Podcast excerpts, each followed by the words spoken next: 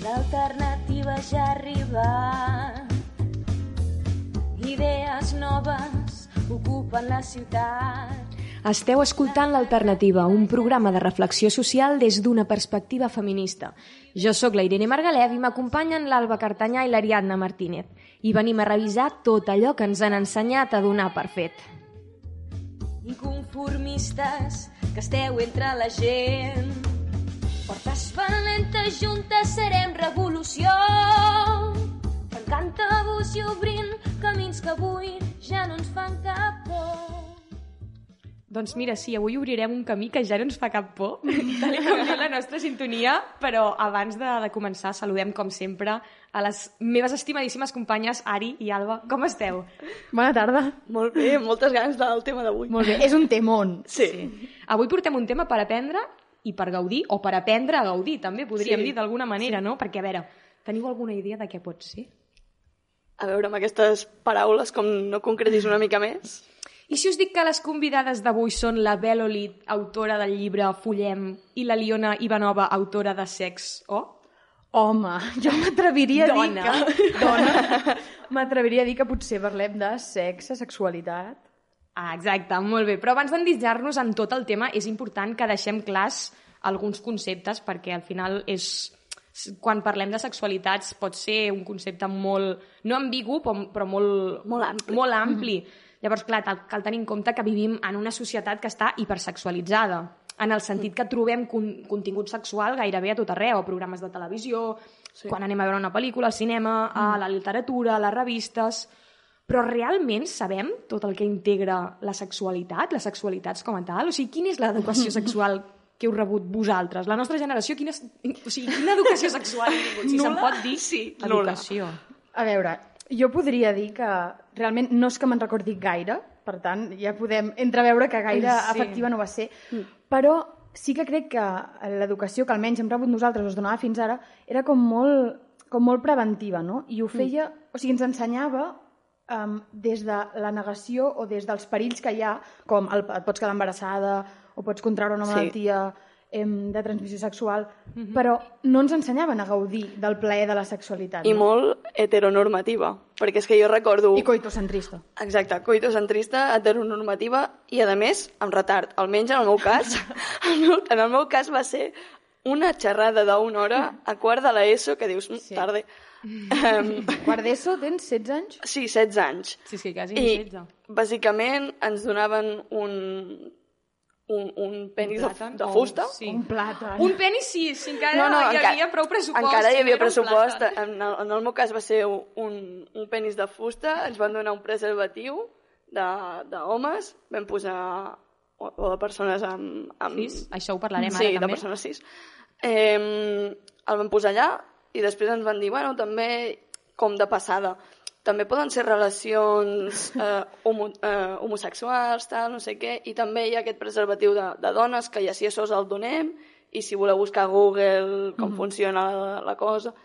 Abans també hem, hem comentat dues paraules, que és, eh, tu has dit hetero- heteronormatiu Sí. i coitocentrista. Sí, Llavors, i potser jo també ho aquí hauríem afegiria d'explicar. cis heteronormatiu. Sí, sí, que sí. sí. això, si voleu Expliquem recuperar, sí, si voleu recuperar un programa, en vam parlar també al programa d'identitat de gènere, però com que segurament al programa d'avui també surten bastant sovint, més val aclar- aclarar una mica què significa cada concepte.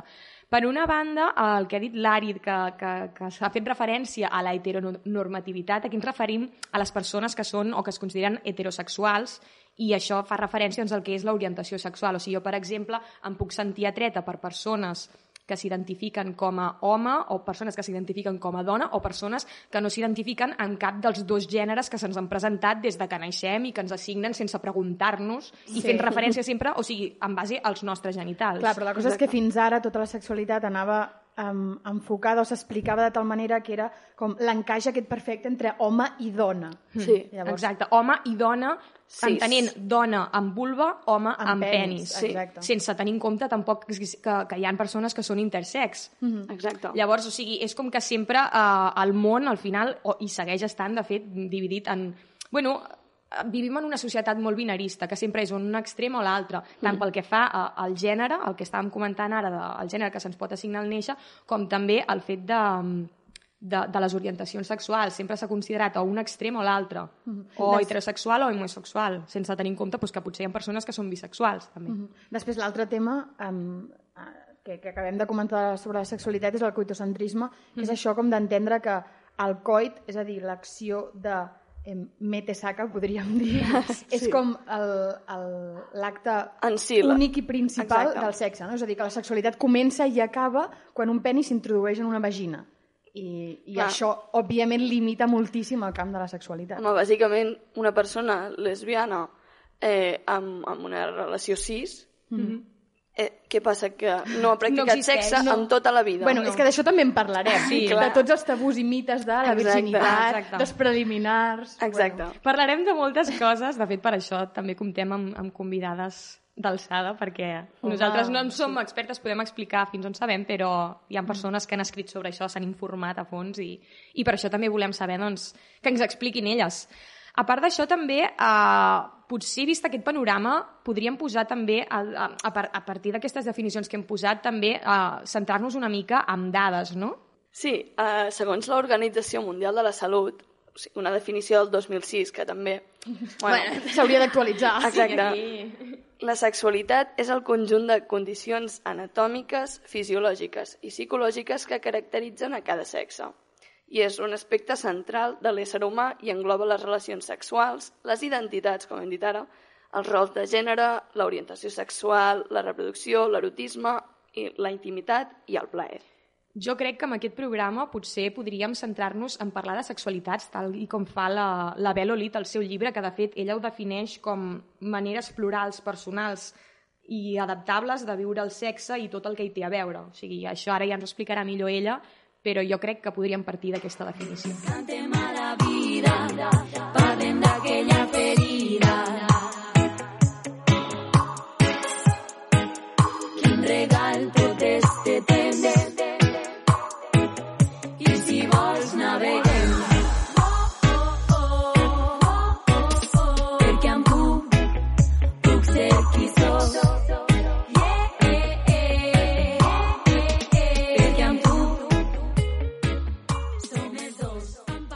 Doncs com ja us hem avançat, al programa d'avui comptem amb la veu de Bel Olit, escriptora i traductora que el 2019 va publicar el llibre Follem, amb, amb signe d'interrogació i del qual avui també en parlarem amb ella, però abans, abans que res pues, saludar i donar la benvinguda a l'Alternativa a la Bel i dir-te que moltíssimes gràcies per acompanyar-nos. Hola, com esteu? Doncs bé, amb moltíssimes ganes, la veritat, d'engegar Sí. de, de, d'engegar aquest programa. Com estàs tu, també? Que és una pregunta ja obligatòria de fer. Bé, bé, bé, com dintre del, del que cap, com si diguéssim, tot, tot bé, sí. Doncs des d'aquí ens, ens n'alegrem moltíssim.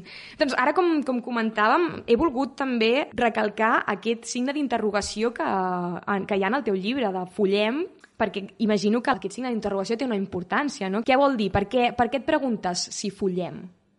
Bé, el, era un joc entre la invitació, no? que pot ser una invitació, i per tant una de les coses que, que posa, que, que diu més vegades al llibre d'alguna manera és que és important la comunicació i per tant preguntar doncs és una bona manera de comunicar-se Mhm. i de- d'establir de, segons quines connexions, uh, però també perquè el llibre el que fa és posar en dubte el que, el que hem après que vol dir follar i, i oferir doncs, altres maneres de mirar-s'ho, no? i per això l'interrogant és molt, molt important, com dèieu en el títol.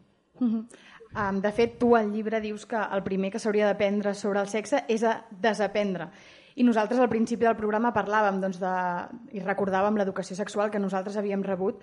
Eh, quina valoració en fas tu? Eh, quina creus que és la importància i com veus doncs, l'evolució d'aquesta educació? Doncs la veritat és que no, no tinc dades i, i em sap greu parlar sense dades i per tant l'única cosa que faré serà parlar sobre impressions, no? que, que poden ser enganyoses. Però em fa l'efecte que per, per al meu entorn, etc no, no hem millorat gaire. És a dir, que la, la, la educació sexual formal que jo vaig rebre a l'escola, que es basava bàsicament en l'anticoncepció i, mm. i la prevenció de les infeccions de transmissió sexual, mm. eh, doncs continua sent així, no? que se'n parla poc en l'educació formal i que quan se'n parla sempre és des de, des de la por no? Del, a un embaràs no desitjat o, o a una infecció de transmissió sexual. I llavors les, les ganes d'escriure el llibre també eren per, per parlar-ne des, de, des del plaer, no? Perquè jo tinc relacions sexuals per passar-m'ho bé, mm. no, no les tinc per passar por de quedar-me embarassada o, de, ten, o de, que em transmetin o de transmetre una infecció de transmissió sexual, no? Mm. Per tant, si la majoria de persones que tenim relacions sexuals ho fem per altres motius, doncs mm. està bé que ens ho mirem des d'aquesta de, vessant, no? Del plaer, del desig, del compartir i, i no pas des de la por. Mm -hmm. Bé, ara a la introducció parlàvem de, de termes, que hi ha molts termes no, que, que engloben a la sexualitat, i un d'ells és la virginitat. I perquè ha sorgit doncs, ja aquest, aquesta paraula, aquesta, aquesta gran paraula no, que, que tothom utilitza, però que vaja, que potser està una mica obsoleta, i parlem, es parla molt no, de perdre la virginitat, però, però clar, què vol dir, no? Perdre la virginitat, què és la virginitat? Tu al teu llibre en parles, però clar, mm, què entenem per una relació sexual, no? En quin moment se suposa que perdem la virginitat?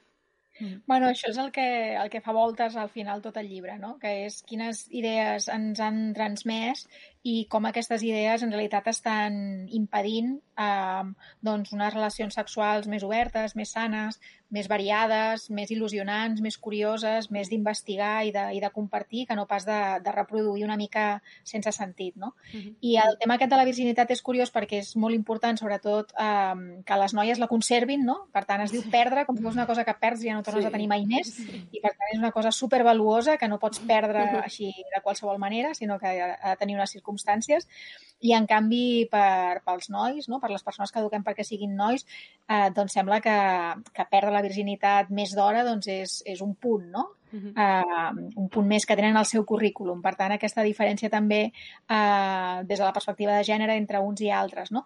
Però quan, quan es diu perdre la virginitat o quan pregunten tu quan vas perdre la virginitat, el que estan preguntant és quina va ser la primera vegada que vas tenir relacions sexuals en penetració. Mm, exacte. I en penetració volem dir un penis dintre d'una vagina, no volem dir cap altra mena de penetració. Mm. Per tant, no estem parlant de dits, no estem parlant d'anus, no estem parlant de boca, no estem parlant de joguines, estem parlant d'un penis dintre d'una vagina. No?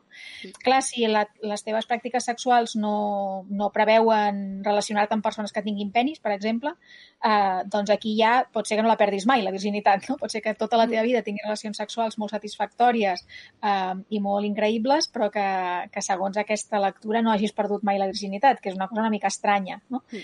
Um, I al contrari, pot ser que hagis tingut unes relacions sexuals merdoses que no t'hagin satisfet en absolut um, i que, bueno, doncs que, no, que no hagin sigut no? aquesta, aquesta recerca del plaer que, que jo crec que haurien de ser i que en canvi sí que hagis perdut la virginitat. No? Mm. Llavors, quan ens plantegem què vol dir perdre la virginitat i a quines relacions sexuals eh, donem importància i a quines no, um, doncs crec que, que està bé allunyar-nos una mica de, de, de, tots aquests, de totes aquestes idees preconcebudes i pensar realment no? quines són les, les pràctiques sexuals que ens agraden, amb qui ens agrada fer-les i, i, i quines es consideren obligatòries doncs, que, que potser haurien de deixar de ser-ho, no? com, com aquesta de la penetració. Clar, sí, al final és això, és apartar-nos d'aquest falocentrisme que encara avui està imperant i, de fet, ara tu has has, has, has comentat diverses coses molt interessants i has parlat també doncs, de, de la identitat de gènere, has, has parlat d'orientacions sexuals, perquè al principi també ho comentàvem nosaltres, que al final, si per exemple dues noies cis, hem fet també una mica de resum de, de termes cis, trans, de les etiquetes que ha que al final són necessàries, tu això de fet també ho expliques al, al teu llibre, i hi ha una frase que dius que al final jo crec que això bueno, que és una manera com molt, molt clara de representar que dius que el que tenim entre les cames determina en quina capseta ens posen i què s'espera que fem o no fem. Clar, això també està lligat amb la manera que tenim de, relacion de relacionar-nos en termes sexoafectius, no? Mm -hmm.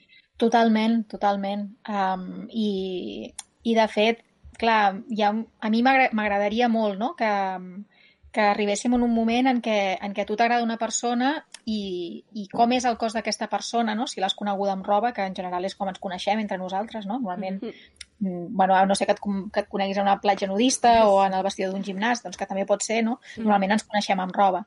Però que tu coneixes algú, aquesta persona t'atrau, aquesta persona t'encén el desig i que, i que descobrir que hi ha sota la roba doncs sigui també una part no? d'aquest desig i sigui també una part de l'aventura, no? d'alguna manera de, de, doncs això, de, del, de la curiositat, no? Mm. I en canvi ara sembla que això sigui impossible, no? Que si tu no saps com és el cos d'una altra persona no et pugui atraure. Mm. O, o que si tu pensaves que hi havia una cosa sota la roba i n'hi ha una altra, doncs això és, mm, és terrible, no? Mm. I és, ostres, no, també pot ser part de, del joc, de la sorpresa i de, i de l'alegria de conèixer, no? Crec que estem encara molt lluny d'aquí, però, però certament és cap on m'agradaria arribar, no? I, I tant de bo ho vegi que, que, bueno, que ja per l'edat que tinc em sembla que no hi arribaré, potser vosaltres sí. Esperem. Esperem. Tant de bo. Ara, Bel, tu parlaves del desig i me'n recordo que l'altre dia quan estàvem nosaltres eh, comentant el programa, a veure com ho enfocàvem, l'Ari va dir una cosa molt interessant, que és que realment a les dones, a nosaltres, ens ensenyen a desitjar que ens desitgin. I moltes vegades tampoc sabem nosaltres què desitgem, no? Llavors, això és molt interessant i també ho lligo amb el que diu eh, Despentes, al seu llibre de teoria King Kong, que diu que realment el sexe, eh, la sexualitat, no és innocent i que també reprodueix doncs, aquest patró de l'home dominant i la dona submisa. No? I això fa que també eh, nosaltres tinguem un tipus de fantasies, ells uns altres, també avalat per molts altres mecanismes, com el porno, bueno, eh, la cultura audiovisual, uh -huh. eh, i que precisament això és com que s'instal·la en un punt sec, que és com els nostres desitjos més íntims i doncs, com que també ens configura, no?, d'alguna manera. Clar, el que passa és que si això ho tens en compte, és a dir, si tu ja comptes que això passa, eh, pots fer coses, és a dir, no, no t'ho has de menjar, no? Pots, pots educar, i jo crec que el, el desig s'educa i, i es pot fer anar cap a llocs, no? Llavors, sense, mm. evidentment, sense culpar-nos per, per, per el nostre desig, eh, perquè és el que és i s'ha conformat com s'ha conformat, tampoc tenim per què acceptar-lo com a inamovible, no? I, i podem aprendre a desitjar altres tipus de cossos, podem aprendre a desitjar d'altres maneres i, i al final és un exercici que crec que, que tot i que, bueno, que, que pot ser llarg no? i que no, no és el primer dia, dius, mira, aquests cossos que no m'hi he fixat mai, ara m'hi fixaré, doncs segurament no mm. funciona així. O aquestes fantasies que, que tinc i que em sembla que són nocives, no? perquè són violentes o patriarcals o el que sigui, Clar. doncs ara ja no les tindré. No mm. és tan fàcil com això, però, però crec que sí que val la pena fer, fer el camí, no? I, I és un camí molt, molt bonic també d'autodescobriment, perquè moltes vegades ens pensem que ens agraden unes coses que no ens agraden en realitat. És a dir, que, que, bueno, que, que ens pensem que ens agraden perquè és el que ens hauria d'agradar, no? Però que quan et deixes anar i, i et desfas una mica d'aquest què és el que m'hauria d'agradar i et deixes sentir amb tot el cos, amb tots els sentits, què és el que t'agrada de veritat, eh, doncs pots tenir sorpreses molt agradables, no? Mm -hmm. Bueno, abans de continuar, m'agradaria aclarar que la frase de l'Ari realment és inspirada en el que dius tu al teu sí, llibre, sí, Bel. de fet, l'altre dia estàvem parlant i vam comentar aquesta frase que tu dius al llibre i llavors a partir d'aquí l'Ari va fer un sí. remix de la, de la frase. Bueno, per això serveixen els llibres, no? Per, per tant, sí, sí. esperonar idees també, no? I tant. Eh, a mi m'agradaria comentar que al llibre parles de, de moltíssimes eh, realitats, no? perquè és això, la sexualitat és una cosa molt àmplia, malgrat que si es parla a nivell, a nivell de carrer, no?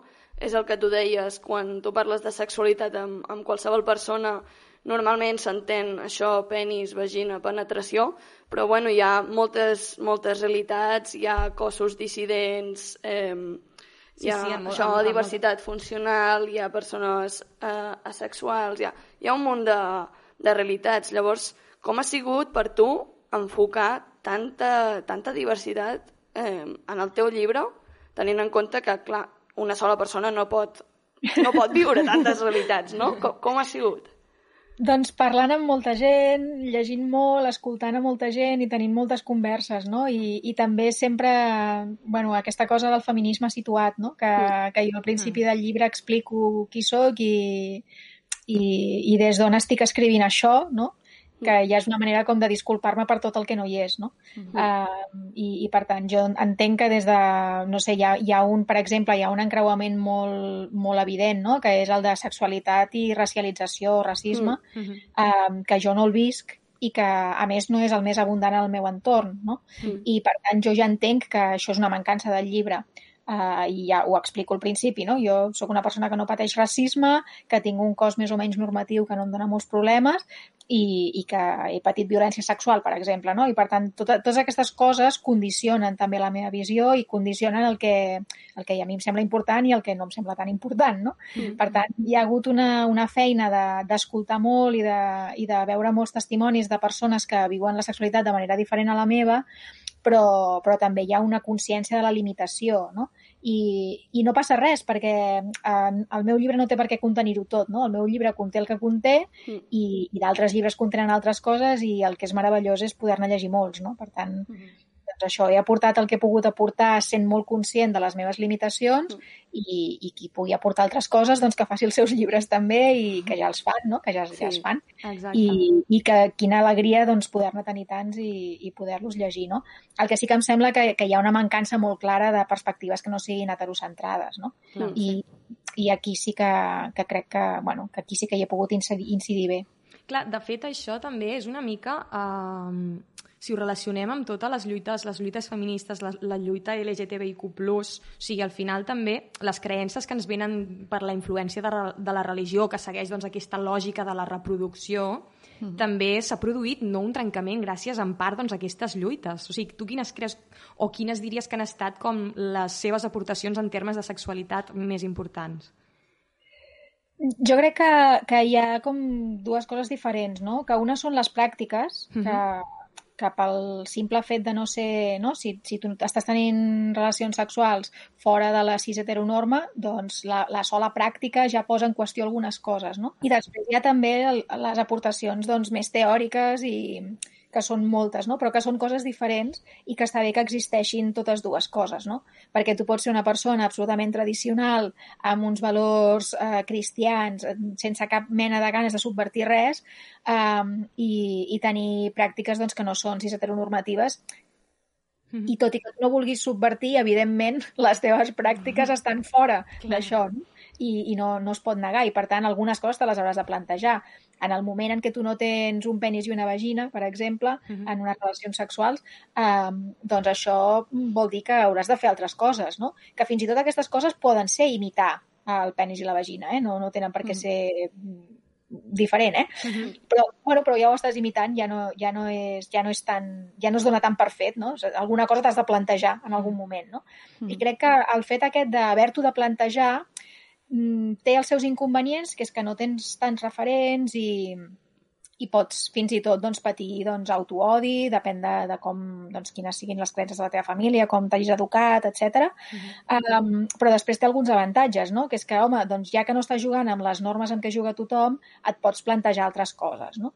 I, I aquest plantejar-se altres coses, doncs, potser, potser pot ser una porta a, a viure d'una manera més lliure també la sexualitat, no? que no és sempre el cas, no és un per defecte, però, mm. però sí que es, es pot donar. No? De totes maneres, eh, una de les claus o dels pilars de tot aquest tema, i en general de tots, és la comunicació, perquè al final eh, doncs parlant amb l'altre és com arribes a trobar doncs, noves formes de relacionar-te. I en aquest sentit, tu també parles de desinflar les expectatives, que això també... No n'hem parlat gaire, però mm. també és un altre dels temes, perquè ens arriben com molts inputs de com és, eh, com és la sexualitat i les relacions sexuals, De les que s'allunya molt de, mare al final meva. de la realitat, no? I tu dius una frase que és el plaer és un dret i no una obligació. Clar, i això és important, no? També abans parlàveu de persones asexuals eh, que sembla que els hi passi alguna cosa, no? Que, que s'hagin d'arreglar, no? Perquè, perquè no volen compartir doncs, la, seva, la seva dimensió sexual amb altres persones o fins i tot no la volen express, eh, explorar en solitari, no? Um, però fora d'això, és a dir, mm, hi ha també com una pressió molt, molt, molt forta perquè tinguis 25 orgasmes en dos minuts. I dius, bueno, potser, sí. no sé si puc, però en tot cas segurament no vull, no? O sigui, per què concentrar-ho en dos minuts, no? Si, si puc passar-me 4 hores i, Sí. i tenir 25 orgasmes, o dos, o un, o cap, no? És igual. Però, però potser el, el plaer va més enllà de, del, del fast food no? I, i del sexe ràpid. Potser sexe ràpid un dia pel motiu que sigui pot estar molt bé, sí, també, no? Hi ha, hi ha el sexe més lent, més, més tranquil i més relaxat, no? I quan parlava de desinflar expectatives també, també parlava d'aquesta mena de, de mercat, com si diguéssim, no? de, de les experiències sexuals, que, que tot va molt enfocat a, a que tot ha de ser molt intens, molt, molt, molt, en molt poc temps, molt ràpid i, i molt bé, no? I bueno, pot ser que un dia facis un polvo que no sigui res de l'altre món i, i no s'acaba el món, no passa res, doncs ja en faràs un altre més inspirat un altre dia, no? I, I no diu res en contra teu ni de la persona amb qui estàs, doncs potser no us heu entès o potser aquell dia estàveu cansats o potser pues, pel motiu que sigui no ha funcionat, no? Mm -hmm. Però no passa res, és que no, no és la fi del món i el, el millor de la sexualitat és que és, és un recurs inesgotable, eh, gratuït i universal, no? Que totes les persones en podem gaudir, eh, que ho podem fer soles o en companyia, que ho podem fer a, a casa o on sigui, i que és gratis i que no s'acaba mai i que jo avui tingui 8 orgasmes no vol dir que demà no en pugui tenir 8 més o 80 més o, o 0, no? Això ja dependrà. Mm -hmm. um, llavors crec que la cosa aquesta d'agafar-te amb més calma i, i agafar-te la relació sexual uh, o una pràctica sexual concreta no com una tasca que ha de portar en un lloc, sinó com la possibilitat d'arribar a llocs que encara no coneixes, em sembla més enriquidor, més relaxat per tothom, més tranquil i amb menys pressió, no? Perquè, ostres, una cosa que tu fas per plaer no, no tens per què posar-hi pressió. Jo quan vaig a passejar no poso pressió de m'ho he de passar superbé, eh? Guai, eh? Ha de ser molt xulo. La posta de sol ha de ser meravellosa. Avui fa núvol i la posta de sol és molt bonica i potser un altre dia doncs, no és tan bonica perquè no es veu res. bueno, doncs ja en veurem una altra, no passa res. Les postes de sol no s'acaben, cada dia n'hi ha una, no? Doncs una mica crec que amb les relacions sexuals hauríem de tenir aquest relax de, bueno, jo surto a passejar, i ja veurem què em trobo. I evidentment que m'encantaria que la passejada fos preciosa, que fos una experiència meravellosa i que em transformés la vida. Però, bueno, no totes les passejades van així, no? Algunes sí, algunes no. Uh -huh. I poder sortir a passejar sense la, aquesta pressió segurament també és un factor d'èxit perquè m'ho passi bé i perquè estigui més tranquil·la, no? Clar. Perquè si surto amb aquesta pressió de m'ho he de passar bé, m'ho he de passar bé, no?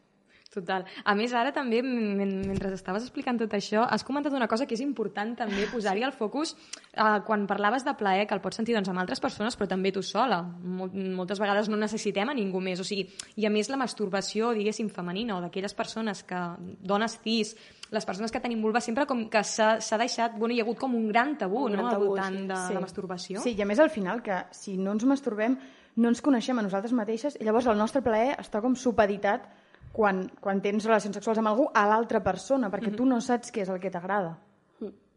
Sí, i, i no només això, no? sinó que també les, les persones que tenen penis sembla que només puguin sentir plaer d'una manera, no? Sí. I crec que l'autoexploració també és una, una manera de descobrir doncs, com sents plaer tu, no? Mm -hmm. que, que pot ser molt variat i que no té per què ser la recepta que t'han ensenyat, no?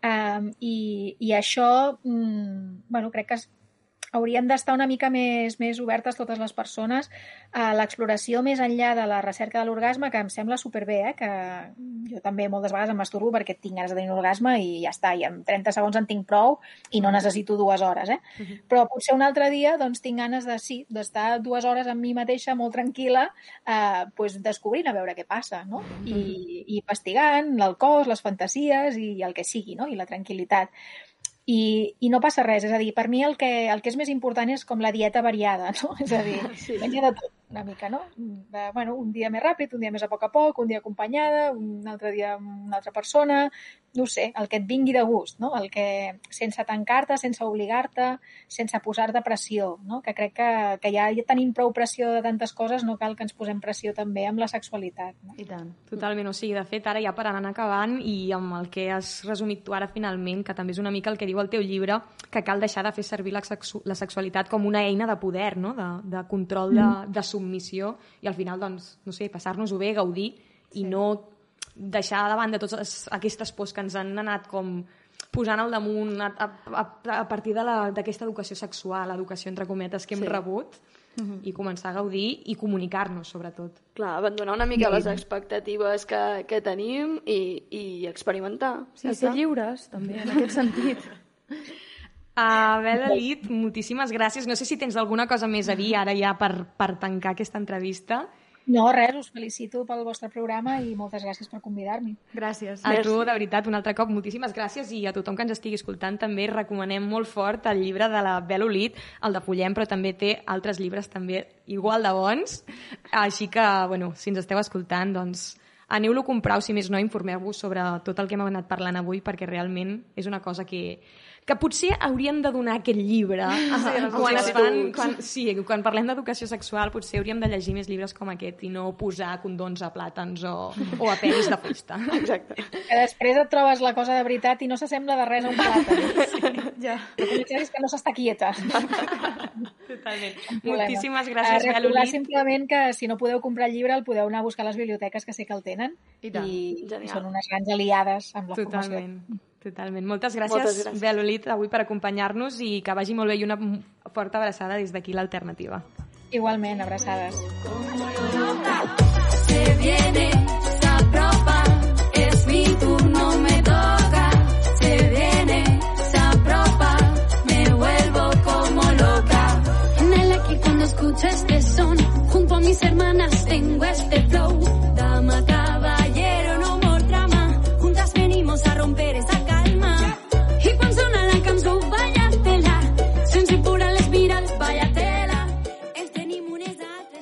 Doncs passem de la Belolit a una altra també convidada de luxe. Avui tenim amb nosaltres, des de l'altra banda del fil telefònic, a la Liona, que és directora de videoclips i il·lustradora, i que bueno, també és autora del llibre Sex, Sexo, Sexo, que bueno, ara ens ho explicarà ella, però abans de res doncs, donar-te la benvinguda a l'alternativa i dir-te una vegada més, que ja t'hem dit, però moltíssimes gràcies per estar-nos acompanyant avui aquí. No, moltíssimes gràcies a vosaltres. Ara ho estava comentant. Uh, sexo, sex o, com, com, com ho dius tu, això? Se- Seria com un... Jo, jo no ho havia pensat mai, perquè sempre ho havia com visualitzat, no? Però el primer cop que em van fer com una entrevista, doncs van fer un sex... Oh! Vale? Irene, molt millor que tu, eh? I clar, i seria una cosa així, no? Perquè a l'O seria com l'exclamació de plaer. Clar, clar, clar, sí, té tot el seu sentit. Sí. Doncs ja sabent això, uh, per què vas decidir publicar el llibre de... No ho diré perquè quedaria fatal, però quina va ser la decisió que et va portar a publicar aquest llibre o a començar-lo a, a, fer. a posar en marxa? Doncs van ser diverses coses que es van com anar ajuntant, saps? Sempre m'havia com... Jo quan vaig estudiar cinema i quan veia pel·lícules sempre pensava, hòstia, el sexe que, que s'hi veu no és el sexe que jo visc, saps? Sempre em sentia com molt poc eh, representada. I era una cosa que sempre havia estat allà i sempre havia volgut parlar-ne, però mai trobava com, com fer-ho, no? I llavors uh, hi va haver un moment que, bueno, em, vaig tancar amb una relació i vaig començar a tenir així cites més esporàdiques on bàsicament jo només buscava sexe, no buscava res més, i em vaig anar trobant en situacions així com molt, no sé com dir-ho, de incòmodes, situacions uh, de dir, what the fuck, què està passant? Pot ser que m'estigui passant això, no? I, I vaig començar a dibuixar sobre això. Perquè sobretot em sentia com sola, no? De dir, hòstia, això només em passa a mi o què? Ja. I, I doncs vaig fer la primera vinyeta i la vaig penjar així sense pensar massa i de cop i volta vaig veure doncs això, que no estava sola, no? que, que eren moltes que ens passava el mateix i que no ho dèiem, no? Que teníem com por de, de dir-ho, de, de queixar-nos, de- d'això, de, d'aixecar la- la veu, no? I dir, hòstia, doncs això no és el que a mi m'agrada. Sí. I no tinc per què callar, no?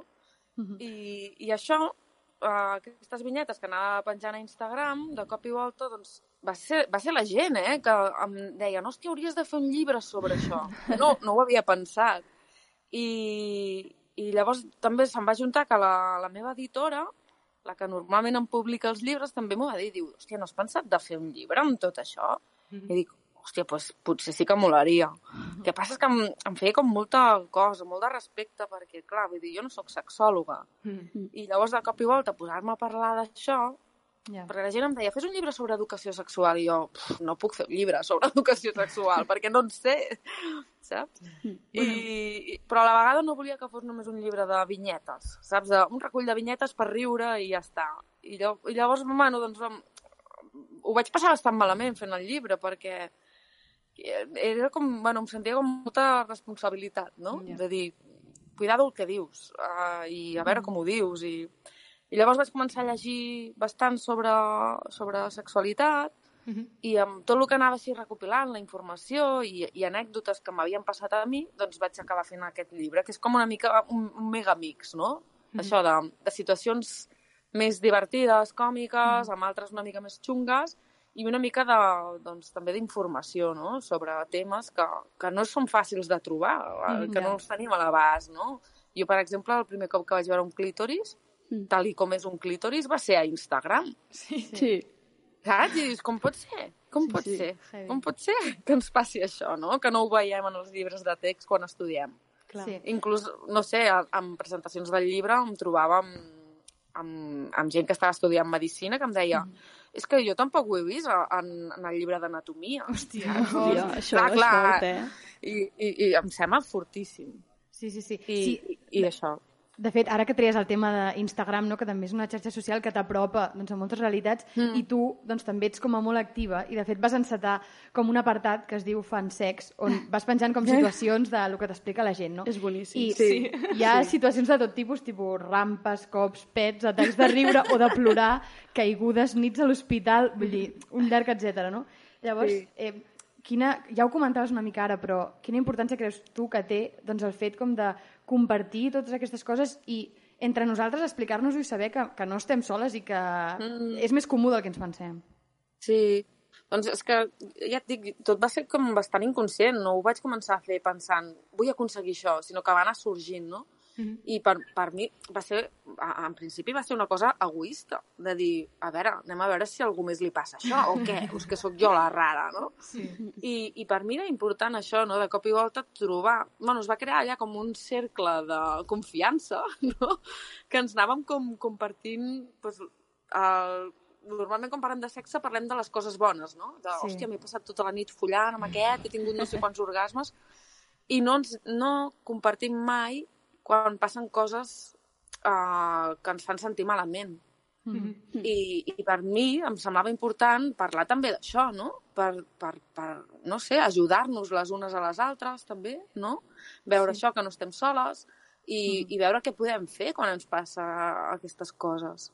Per exemple, en una, també en una presentació del llibre sí. va sortir una noia que ens va explicar que ella havia tingut vaginisme i, clar, tota la vida ho havia estat tractant amb, amb el psicòleg perquè es pensaven que, era, que tenia un, una causa psicològica i no va ser fins fa poc que es va, bueno, que arran de descobrir que existia la figura de la fisiosexòloga, que també és una cosa que ningú ens en parla, doncs van descobrir que a través de massatges doncs eh, podia, podia arreglar aquesta anomalia no? que tenia ella i que al final era com una contractura dels muscles que tenim a dins la vagina. I ja està, no hi havia res més, no hi havia un trauma. Però clar, això tampoc no ens en parla ningú, no ens expliquen. I, I això, aquesta noia, parlar-ho i dir-ho davant de tanta gent, Clar. va ser com, ostres, gràcies, perquè potser hi ha gent aquí que també li està passant això i no ho sap, que, que, que, que té aquesta solució també, no? que es pot tractar d'aquesta manera, que a vegades són problemes psicològics, però que a vegades és simplement fisiològic. Clar. I llavors, per això crec que és important no? de visibilitzar-ho, de parlar-ne, per, per, per ajudar les altres. No? Totalment, sí. I com dius tu, o sigui, vas començar així com d'una manera, com d'una manera quasi accidental, però mm. realment has creat una comunitat bastant sí, important. Sí. Eh, sí. Hi ha algun dels missatges que t'hagi arribat d'alguna persona que et segueix que t'hagi impactat en especial? Mm. en relació a la sí. sexualitat i això? Sí, i de diferents maneres. Per exemple, he rebut molts missatges que, que m'han emocionat moltíssim de moltes noies i dones que em diuen que han tingut el seu primer orgasme gràcies al meu llibre. Hòstia. Uau, Déu-n'hi-do. I jo, bueno, clar, hasta quan em quin diuen gran això, servei públic, eh? Sí, sí, o sigui, vull plorar, saps? Sí. Quan em diuen això m'emociona moltíssim i penso, ostres, mira, ja em, em sento totalment pagada Sí, sí, sí. a, amb, amb, amb això, no? Sí. I per altra banda, doncs també té la part negativa, perquè a vegades hem començat a, això, als stories, començo a parlar de temes que semblen com més mm, superficials, com per exemple un dia parlàvem del típic joc que es feia a l'escola de tocar culs, no? Que els nens Ostres. persegueixen a les nenes per tocar els culs. Sí. Sí. I bé, la gent va començar a parlar-me d'això, no? De que a la seva escola també ho feien, no sé què, no sé Sí. quantos. Però la cosa anava com creixent i vam acabar parlant d'abusos i d'agressions sexuals, no? Que al final jo sóc l'única que ho rebo, perquè m'ho envien amb missatges privats. Ja. sí. I clar, jo al final ja no sabia, o sigui, estava, em, em, em vaig deprimir moltíssim, em vaig espantar moltíssim de la quantitat de noies i dones que havien patit abusos. A més, la majoria és que era molt, molt fort uh, per part de gent de la família Ostres. i el que m'entristia moltíssim és que moltes no ho havien pogut dir mai. Saps? Que s'ho havien callat perquè, per exemple, doncs sabien que la mare no les creuria o que mm, seria un desgavell, si ho deien a la família, saps? Perquè de cop i volta dius que el teu tiet t'ha tocat i, bueno, clar, es lia, no? I pensar, que trist que només trobin la confiança en una persona que no coneixen, Ja. per dir-li, saps? O sigui, no sé. Vull dir que té la part positiva, però per l'altra banda, quan veus mm, que està passant això, que, que, no, que hi ha moltes noies que no tenen a ningú a qui explicar-ho, que creuen que ningú les creurà, saps? És, uf, bueno, jo em quedo molt xunga. Clar, clar, Sí, a part vegada. teva a nivell ja així més psicològic també és una cosa que al final et toca. Ostres, Clar, i, clar, i, i t'acaba clar, clar. afectant. Però jo crec que és Que molt clar. important això també, aquest, aquest, perquè al final has creat un altaveu, o sigui, has, has d'alguna manera aprofitat, o més que aprofitar, bueno, sí, és un, aprofitar Sí, sí. l'altaveu que tens tu com a persona doncs, reconeguda, diguéssim, mm. per també al final llançar missatge de moltes persones que potser fins ara no s'havien atrevit a explicar-ho per, per moltes raons i veure també que hi ha moltes persones darrere la pantalla que també s'hi senten identificades i també és una manera doncs, d'estirar-les, o no, d'estirar-les però de donar-los l'oportunitat de dir-ho també i de sentir-se identificades, no, amb això? Sí, Sí, clar, però això sí. també porta a la reflexió que més enllà de que això que has dit, no, que hi ha noies que han com trobat la força per explicar-t'ho a tu, que al final no, no us coneixeu, però crec que també n'hem de parlar més com entre naltros, entre amigues, perquè també puguis Sí, tenir la confiança sí, al teu voltant sí, de dir-ho, sí, no només a través sí. d'una pantalla amb algú, no? Totalment. Sí, de fet, amb el tema de la sexualitat també me n'he donat, no? que jo amb les meves amigues sempre parlava d'una manera molt superficial i que no compartíem mai consells com més, mm, no sé, més íntims de- del pal. Tu com et masturbes? O tu et fa mal quan et penetren? Bueno, no sé, saps? Sí, sí. No m'ha arribat mai tant al detall i dius, que trist, o sigui... Just si abans som ho parlàvem. I, Sí. i, I per què no parlem d'això, no? Clar, és I això. amb el tema dels abusos el mateix. O sigui, moltes noies m'he trobat que, que inclús amigues Mhm. doncs, que els hi havien respost del pal, és que, bueno, tu has buscat coses d'aquestes, saps? Que joder, que, que clar, a mi em fot molt de mal Sí. sí. Mm, escoltar això, no? Sí, sí, o sigui, jo preparant el programa també ho parlàvem nosaltres, que és com ara que ens hem posat a treballar en aquest programa també hem començat a reflexionar sobre quan vam començar a parlar nosaltres de masturbació, perquè mm. jo que sé, recordàvem, per exemple, a l'institut, jo tinc la imatge al cap de... Este, estàvem allà nois i noies i els nois eh, es xulejaven i es posaven Sí. la corona per masturbar-se 10 vegades Sí. al dia i les noies et deien, però tu, tu tens cara de masturbar-te, tu tens cara de guarra.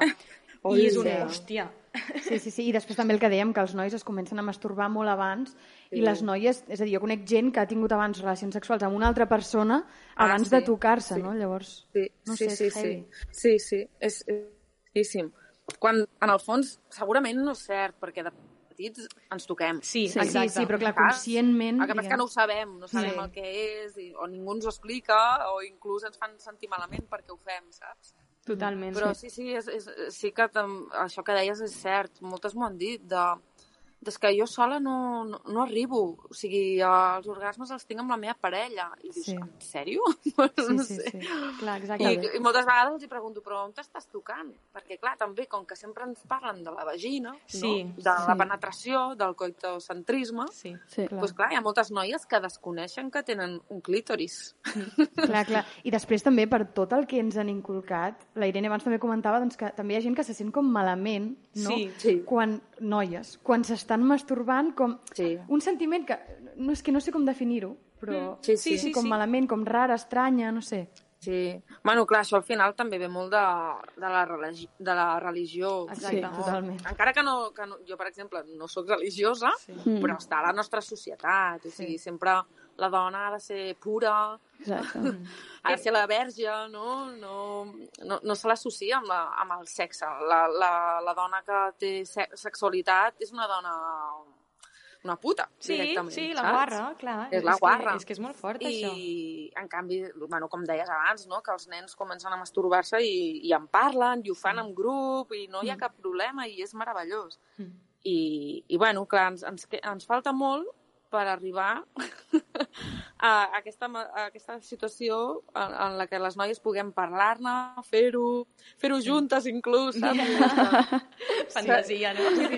per què? Per què no, saps? Per què els nens sí i les nenes no? no sé, és que és, és bastant fort. Totalment. De fet, abans comentaves també, ho has comentat, que tu com a creadora audiovisual també al final imagino que nosaltres també ho som, per exemple, Sí. i al final en fas, una, en fas una anàlisi de tota la representació de la sexualitat Sí. que es fa en bueno, la cultura en general, però en aquest cas, doncs, tu que ets directora, doncs, en l'audiovisual també, al final, això Molt. també ho portem a l'esquena i al, al final ha acabat repercutint Sí. en la manera que entenem nosaltres la sexualitat. Clar. Tu quina anàlisi en fas d'aquesta representació?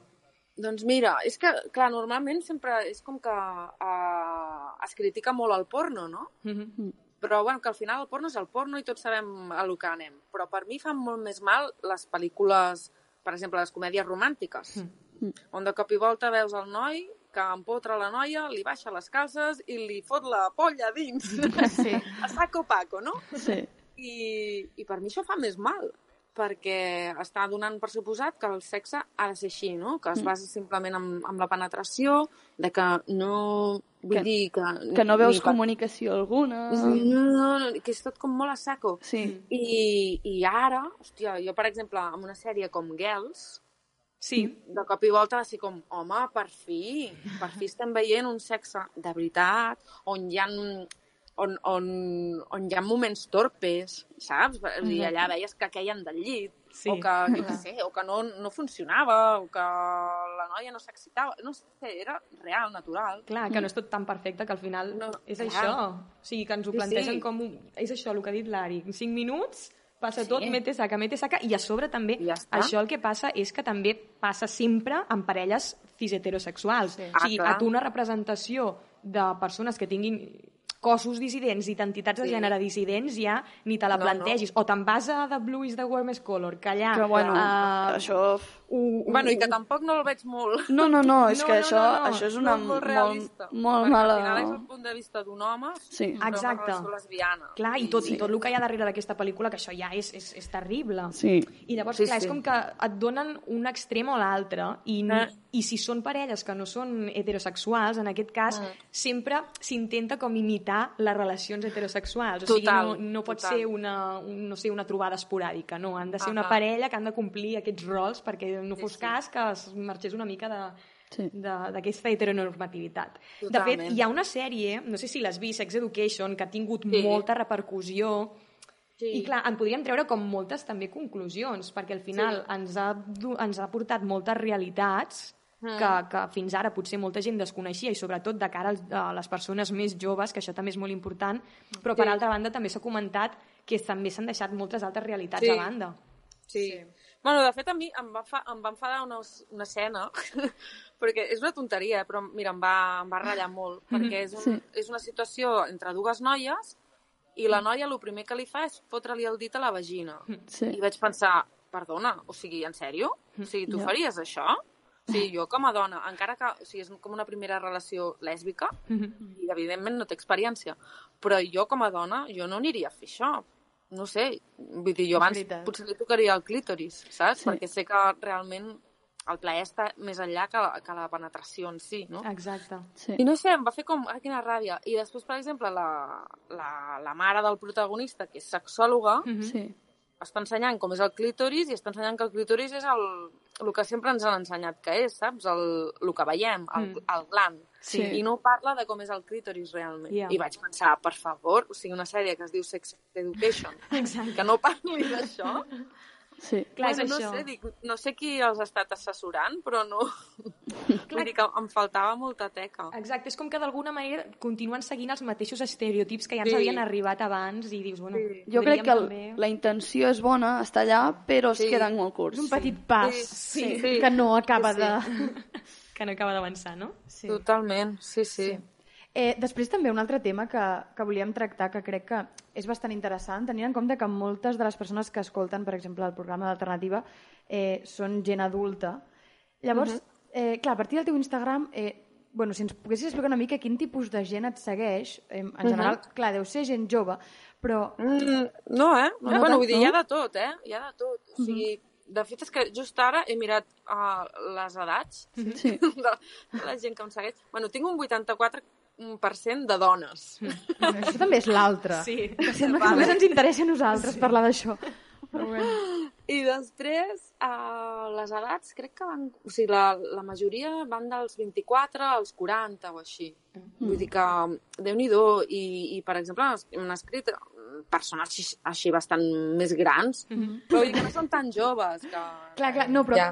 la cosa és que nosaltres també abans parlàvem que, clar, nosaltres al final tenim 23 anys, eh, Mm. vull dir, estem com construint la nostra sexualitat, encara Sí. no està com del tot definida, però, Sí. clar, eh, nosaltres ens imaginem doncs, els nostres pares o la gent que Sí. ja és adulta, que porta, no sé, Sí. 30 anys vivint una Sí. sexualitat determinada, Sí. que jo que sé, que de sobte en algun moment, com vulguin sortir de- d'aquesta normativitat i fer alguna cosa diferent, Sí. que m'imagino que és com a més complicat Molt complicat, i, sí. Clar, i no sé quins haurien de ser com els primers passos o no ho sé, com en aquest camí.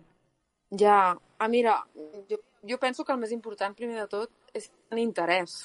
O sigui, si tu tens interès, doncs ja buscaràs informació, però és que hi ha molta gent que ja no, o sigui, no, no, no volen sortir d'aquí. Ja. I jo m'he trobat també amb molta gent que em deia, mana, però és que tu que, que tu dius aquí no, no, no és veritat, no sé què, bueno, trolls, no? Sí. I jo ho intento discutir, no? però ja veig que no hi ha, no hi ha una intenció de voler canviar. O sigui, és, és bastant complicat ja. Però, bueno, després em trobo molta gent que, que em diuen ostres, el teu llibre doncs, m'ha ajudat a, a canviar la percepció que tinc sobre la meva parella, per exemple, o, o m'ha m'ha ajudat a, a obrir els ulls no? a, al voltant de la sexualitat. I dius, bueno, doncs mira, hi ha de tot. O sigui, hi ha gent que té ganes d'aprendre i de canviar i tal, i n'hi ha que no, i, i, tampoc no ho pots forçar. No, però el primer pas ja és com que hi hagi la informació disponible. Clar, sí. Clar, de fet, ara, per exemple, bueno, durant l'últim any, potser podríem dir, hi ha hagut com aquest boom del Satisfyer, que això Vamos, també ha arribat sí. com... O sigui, que no és una cosa que s'ha quedat només entre el jove, entre les persones així més joves, sinó que també ha abarcat com una, una Sí. gamma més àmplia d'edat, Sí, sí, diguéssim, sí. no? i al final també ha sigut una manera més de treure a la llum la masturbació femenina, que és el gran Sí. tabú de la vida, Sí. I en aquest sentit també ha ajudat molt, i de fet tu també es, es, expliques en algunes entrevistes que un cop vas penjar també una, una Sí. foto no? amb, amb un vibrador i Sí. què, què va passar exactament? Sí, de fet, clar, és veritat, això me n'he oblidat. De fet, vaig començar a fer les vinyetes perquè sí. em van regalar pel meu aniversari un vibrador. Mhm. I jo, per exemple, al llarg de la meva vida, pues, sempre havia dit ai, per què vull joguines si ja tinc els dits, no? I us ho juro que la que vaig provar el primer vibrador vaig flipar. Otro mundo. Sí. Clar, vaig dir, home, és que clar, un dit no pot arribar a fer això. I, i bueno, pues, tio, anar descobrint coses noves és molt guai. I, sí. I jo vaig posar una història dient, hòstia, és el millor regal de la meva vida.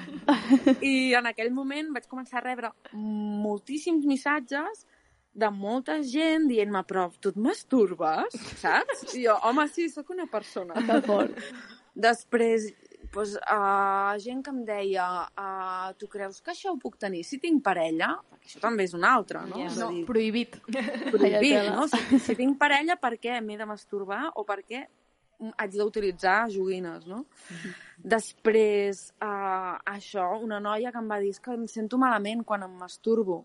I, de fet, d'aquí em va sortir una vinyeta que, que bueno, clar, és en castellà, que diu me siento mal cuando me masturbo. I llavors el meu personatge li diu, pues no te sientes, túmbate. en plan, no puc entendre que et sentis malament. Saps com pot ser que et sentis malament quan és una cosa que et dona plaer i que, joder, que és una cosa superbonica. Clar, No i, sé. i és el que ens deia la Bel abans, que al final la sexualitat, eh, és a dir, pots tenir-la amb algú o tenir-ho tu mateix, vull dir que hi ha moments... I, És i- d'explorar Clar, i i- cada, o sigui, cada moment té el seu, és això, I que tant. no pel fet d'estar en parella, ja tens la teva sexualitat només amb aquella persona. Clar. Sí, És molt limitat. No, no, és, és, és molt trist. Bueno, jo, jo ho trobo trist, no sé. Sí. Perquè jo, per exemple, jo, jo crec que podria dir que el millor sexe l'he tingut sola. Així Mira que bé. No, vull dir que sí que és Sí. veritat, evidentment, quan tens relacions amb gent, doncs ja, allà hi ha un al·licient no, d'excitació i, de, per exemple, les primeres vegades és com molt guai, perquè és com descobrir un, un cos, descobrir les reaccions, no? De, si li faig això, què passa? O sigui, no, saps? Coses aquestes. Però, hòstia, jo sola, és que, clar, és quan més lliure i alliberada m'he sentit Ja, ja. A de, més, de fer el que vull, saps? Sí. A mi m'ha semblat com molt um, important, o m'ha cridat l'atenció el que has dit, que tens com un 80% de persones que et segueixen que són dones. I, mm. clar, aquest també crec que és una mica l'altre tema, que um, em sembla que nosaltres tenim com molt interès per, per aprendre i per obrir-nos una mica i tal, Eh, però no sé si com per part dels homes Ja. en general hi ha aquest Ja. mateix interès llavors per Ja. això bueno, hi ha estadístiques doncs, no sé, de les dones que arriben a l'orgasme en una parella cis hetero tal, i, Sí. i són percentatges molt baixos i, i tothom Sí. coneix o, o ella mateixa ha estat en parella i no ha tingut un orgasme amb la seva parella. Llavors això jo crec que també és una problemàtica com, no sé, molt important, no? molt destacable. Sí, sí, sí. I a més, com que al llarg de la història ens han obligat a callar i a reprimir el nostre plaer, doncs no ens hem queixat. I jo crec que ara comencem, no? També amb el tema aquest del Satisfyer, no? De dir, hòstia, De reivindicar ah, el nostre gent que, el que nostre potser prop. mai havia tingut un orgasme, de, de sobte diu, hòstia, eh, eh, la història anava per aquí. I, I llavors crec que, que es comença, no?, a, a dir, ei, jo també vull, saps? De, hòstia, és que, clar, hem, hem vist milions de vegades la típica escena, no?, de que el tio arriba a l'orgasme i la tia es queda allà sense res i no diu res, Sí. Sí. no? I jo crec que ara, ara, no, comencem a exigir, no?, també el nostre, el nostre, el nostre plaer. Clar. De fet, al final espais com els que crees tu, perquè sí que és veritat doncs, que amb el llibre també has de tenir una certa disposició tu, una predisposició per, per voler-lo comprar, per buscar-lo i llegir-lo, sí. el que sigui. Sí. Però en aquest cas tu l'espai que has creat a les xarxes socials jo crec que també és importantíssim perquè són al final vinyetes que si una amiga meva o un amic meu les comparteix, jo la veig, després li passo a algú altre, és com que és una manera d'arribar a més gent i al final tu al principi has dit que no, no vols fer educació sexual ni el que sigui, però al final és una forma de, de, d'educar sexualment a, a la gent i més que educar al final pues és això, com exterioritzar les diferents experiències i tota la diversitat que hi ha Exacte. dins Sí. les sexualitats. I crec que tu has fet una feina molt important, que és aquesta de trencar la barrera, eh, diguem, de tu has creat les vinyetes i la gent potser amb, aquestes, amb l'ajuda d'aquestes vinyetes doncs, ha trencat el seu propi tabú de Clar. aquestes persones no haguessin creat aquestes vinyetes, però sí que les envien a persones conegudes. Ja, sí, i es genera allà un diàleg. Exacte. Que, que és també el que passa, doncs, això, quan poso un post, no? Sí. "T'ha- T'ha passat això alguna vegada, no? Clar. I llavors allà bla, bla, la gent comença Sí. a desfogar-se i, i explicar tot el que... És que jo al·lucino a vegades a dir, uau, com s'obre la gent. Només preguntant una miqueta ja, tenen unes ganes realment de, de compartir-ho. Clar, això et demostra doncs, de, de, que, que no és que no hi hagin ganes de parlar-ne, sinó que potser no s'ha donat mai els espais per Mm. Clar, poder no T'has de sentir en un, en un entorn còmode per poder obrir-te. I també a través de l'humor, doncs, també és molt important, no? perquè fa que relativitzis una mica doncs, el que t'ha passat i bueno, ja està. Sí. Sí, és una manera de treure, treure-li ferro, no? A algunes Sí. situacions. Sí, jo crec que l'humor va molt bé, perquè, clar, no, no és allò com una cosa com super mm, crua, no? Clar, de, clar. de parlar de les coses tan seriosament i, i dona peu a que, a que la gent doncs, expliqui doncs, les seves anècdotes no? I, i coses que s'han anat trobant al llarg de la vida. Sí. També el que jo volia una mica amb les vinyetes sempre jo tenia la sensació doncs, que les dones havíem de parlar del sexe d'una manera com romàntica, no? Ja. Sí. Sí. I, i jo volia, doncs, de cop i volta poder parlar-ne sense pèls a la llengua, no? De dir, pues, uh, si tu te corres, no, bueno, saps? Vull dir, sent una mica més directa mm -hmm. i no haver de ficar-hi floridures, no? Sí. Intentar no censurar, perquè al final el que jo demano és que no hi hagi censura, no? Mm. Totalment. Jo haig de fer, bueno, no sé, donar una mica l'exemple, no? Totalment. De, jo crec que bueno, ho estàs... doncs, doncs vaig a parlar del que m'està passant a mi, sense por al que em puguin dir, perquè, clar, també jo m'he exposat, no? Clar. A Clar. parlar de les meves relacions. Clar, això també és important perquè que tu en parlis també i que comparteixis algunes experiències al final també fa que es creï aquesta confiança i que la gent s'atreveixi també a fer-ho, perquè si no hi hagués com, eh, des de la teva part no hi hagués com aquesta disposició Clar. també a fer, bueno, a compartir Clar, tot que, allò... sí, no, ho no. trobava honest, no? Perquè si jo estic demanant que es parli de la, la sexualitat d'una manera natural i que no hi hagi tabús, Mhm. doncs no em puc censurar a mi mateixa, no? Clar. I, i, I la veritat és que ho he fet una mica en plan kamikaze, que després dius, hòstia, Déu meu, el que, el que he explicat, perquè una anècdota molt bona, i és que en el llibre hi ha un moment que parlo de que em vaig liar amb el meu monitor de spinning del meu gimnàs, vale? Però clar, jo en cap moment vaig pensar que la gent de la meva classe del gimnàs en algun moment de la vida es compraria el llibre. I de cop i volta, totes les dones de la meva classe s'havien comprat el llibre. Hòstia, vaya moguda. I clar, no ho vaig captar fins al cap de més, en, més dies, en, més endavant. Vaig dir, hòstia, hi ha la història del monitor de spinning. Totes deuen estar flipant. Que bo. Que no, no, ho havia, no ho havia pensat, saps? De que, jo què sé, que, que, que elles acabarien llegint aquest llibre. Clar.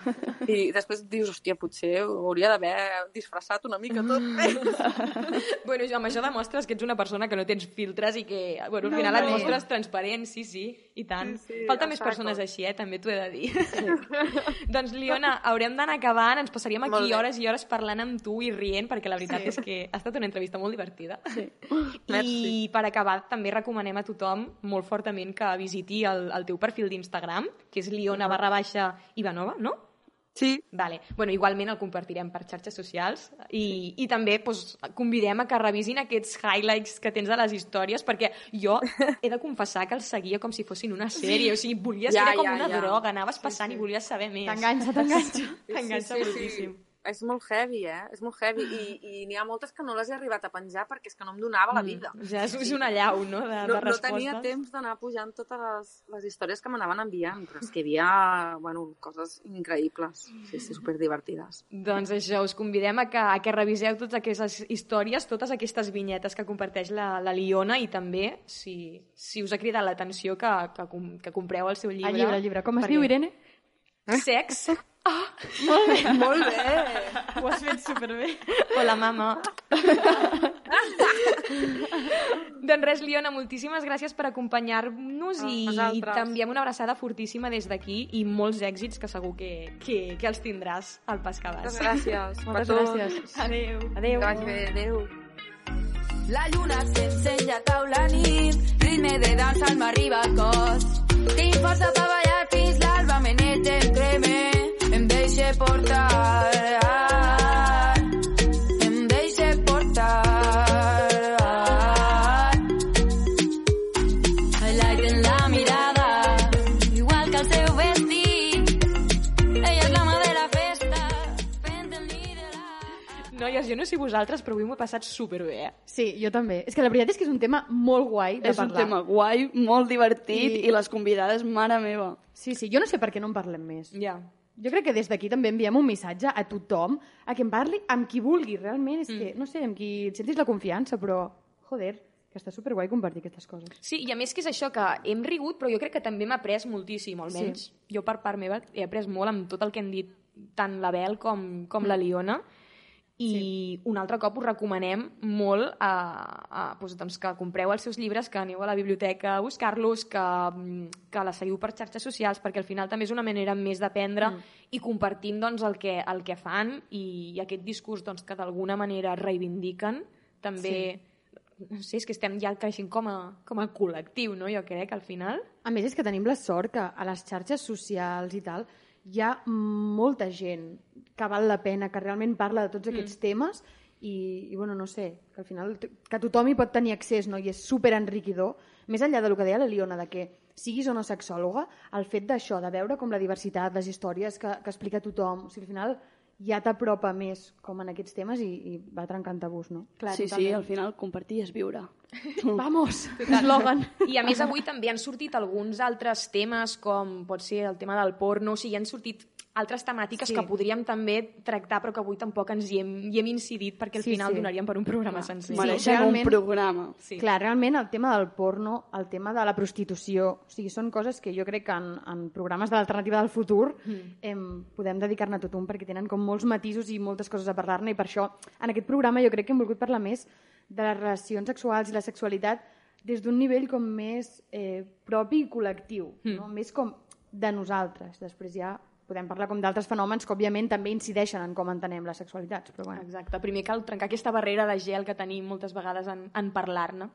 No? I, a més, durant el programa també hem estat movent els malucs, no, Ari? Amb qui, amb qui? Qui hem estat Hosti, escoltant? Hem estat escoltant precisament Malux. És que, que bien hilas.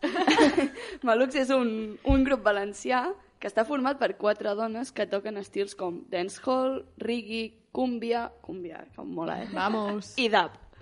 I, bueno, No, des sí, ens les recomanem, no? Sí, sí. perquè, bueno, ja les, les heu sentit, ens han acompanyat en, amb aquest tema amb una alegria que, vamos, Sí, sí, i ara ja que no podem anar a ballar a discoteques, festes, concerts, doncs almenys fem-ho des de casa i, i amb bona música feta per dones, que, Doncs sí. que també s'ha de reivindicar això. I ara ja sí, per acabar, tal com diu la Marxa Mundial de les Dones, fins que totes siguem lliures. Moltes gràcies per escoltar-nos i fins al proper programa. Adeu! Adeu!